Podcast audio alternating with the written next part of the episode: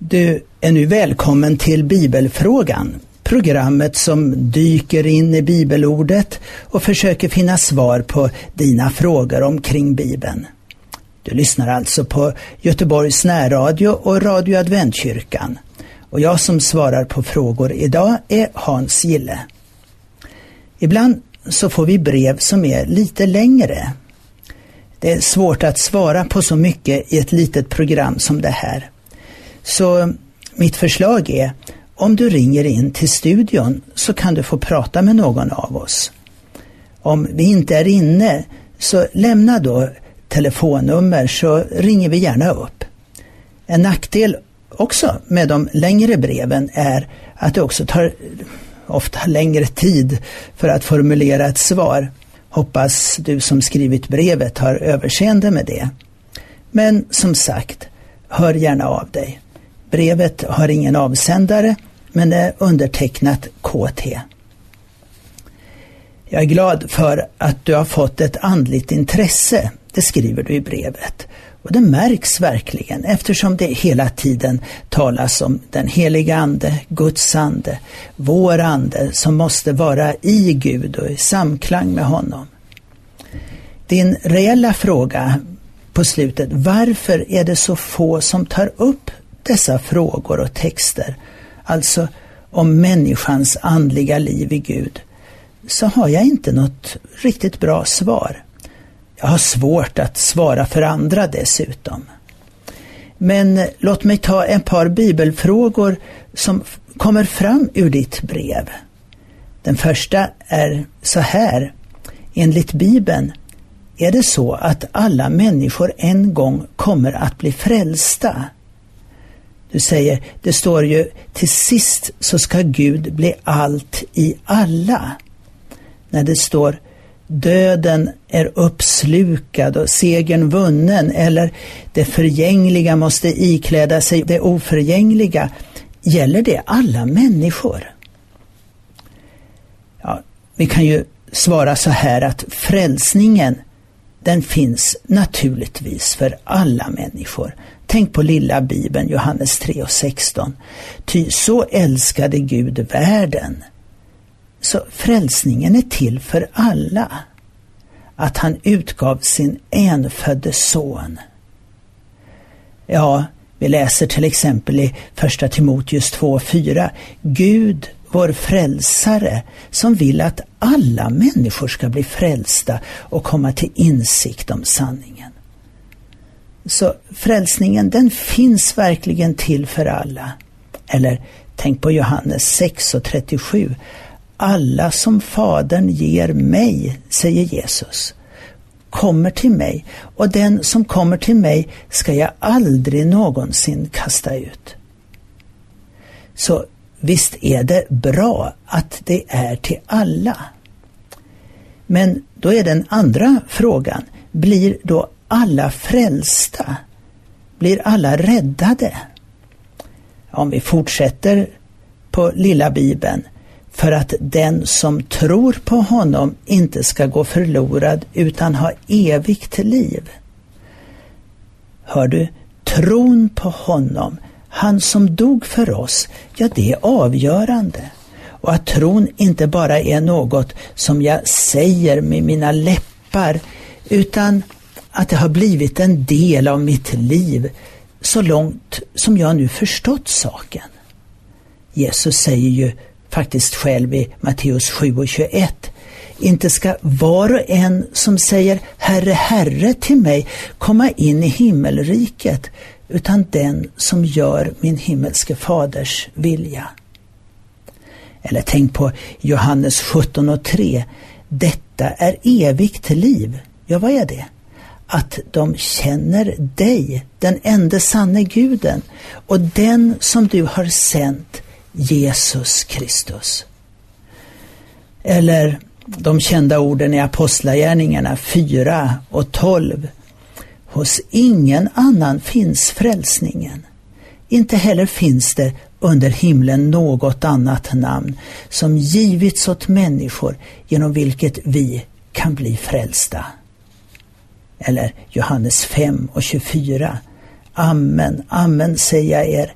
den som hör mitt ord och tror på honom som har sänt mig, han har evigt liv och kommer inte under domen utan har övergått från döden till livet.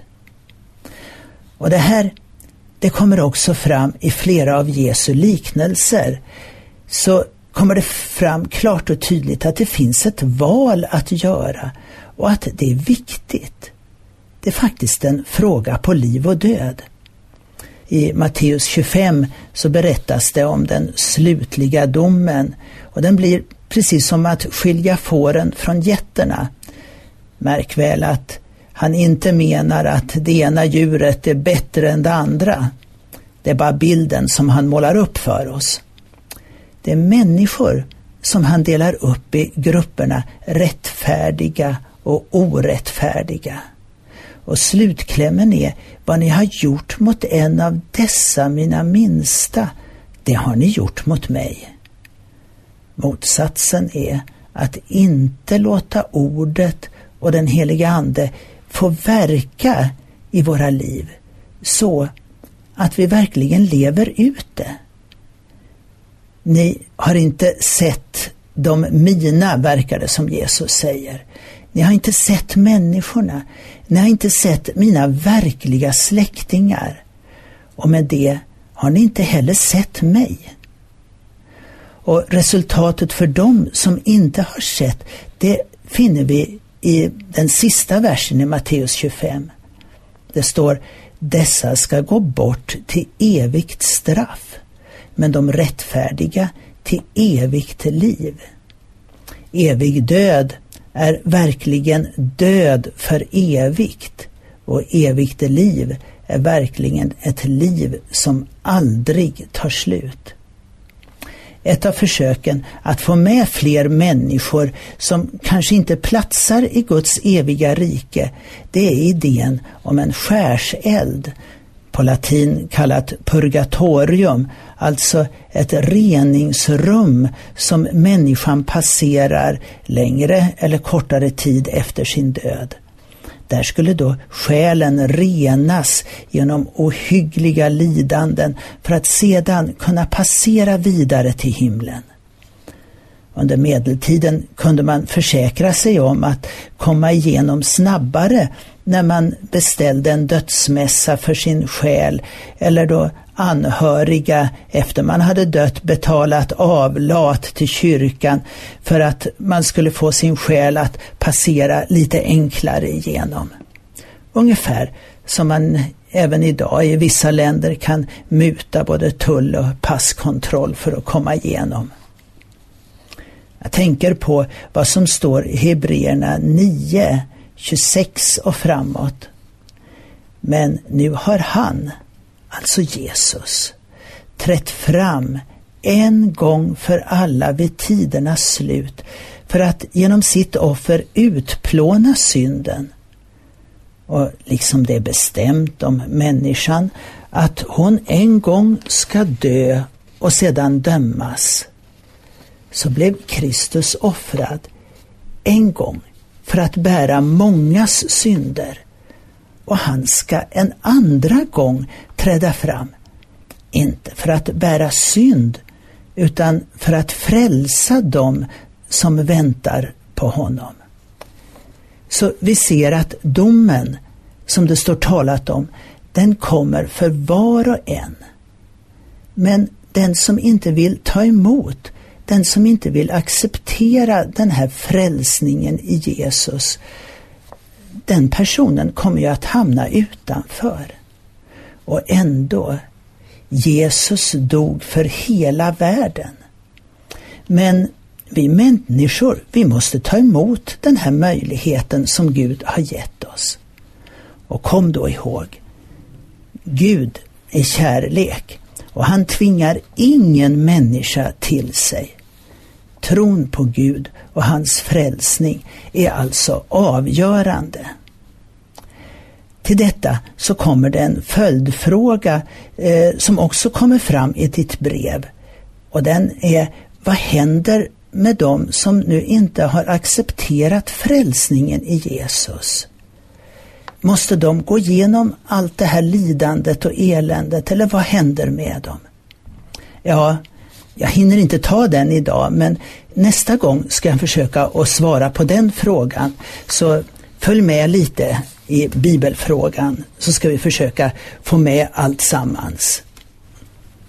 Så vill jag pålysa något om eh, några möten som eh, vi håller på med här i adventkyrkan just nu.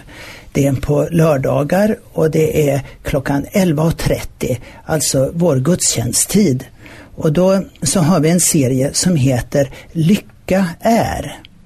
Du vet, det finns en hel del som eh, är skrivet om just det här med lycka de senare åren här. Man har faktiskt gjort en hel del eh, forskning också omkring vad lycka är. För har man sagt, har man försökt att ta reda på vad det är för något som har gjort oss olyckliga och så har vi försökt att ändra på det, sjukdomar och elände vad vi kan ha. Men eh, så har man tänkt, nej men vi kunde kanske vända på det hela och se vad det är för någonting som gör att människor mår bra istället.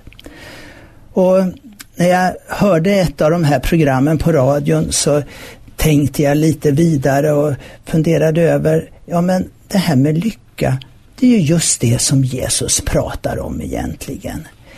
Och då tänkte jag givetvis på bergspredikan. Du vet, när Jesus satte sig ner för att undervisa sina lärjungar så började han ju just med orden Saliga de som. Och så gav han en kortfattad programförklaring på vad verklig lycka är. För salig, det kan vi ju faktiskt översätta just med att vara lycklig. Och i sin fortsatta undervisning så ger han exempel på hur den lyckan fungerar i vardagen. Och det är väl just det som vi behöver idag. Veta hur vi ska kunna fungera tillsammans i vårt samhälle här. Du finner allt sammans alltså i bergspredikan i Matteus evangelium kapitlen 5 till 7. Och nu på lördag den 20 oktober klockan 11.30 så är rubriken Lycka är att ha något fast att hålla sig till. Bibeln ger oss moraliska gränser som vi ju bör hålla oss inom och många av de här har vi ju plockat upp som lagar i våra länder. Men vad gjorde egentligen Jesus med alla de här? Tog han bort dem eller finns de kvar? Finns det gränser som vi mår dåligt av att kanske spränga nu i dessa dagar då vi så gärna vill just spränga gränser?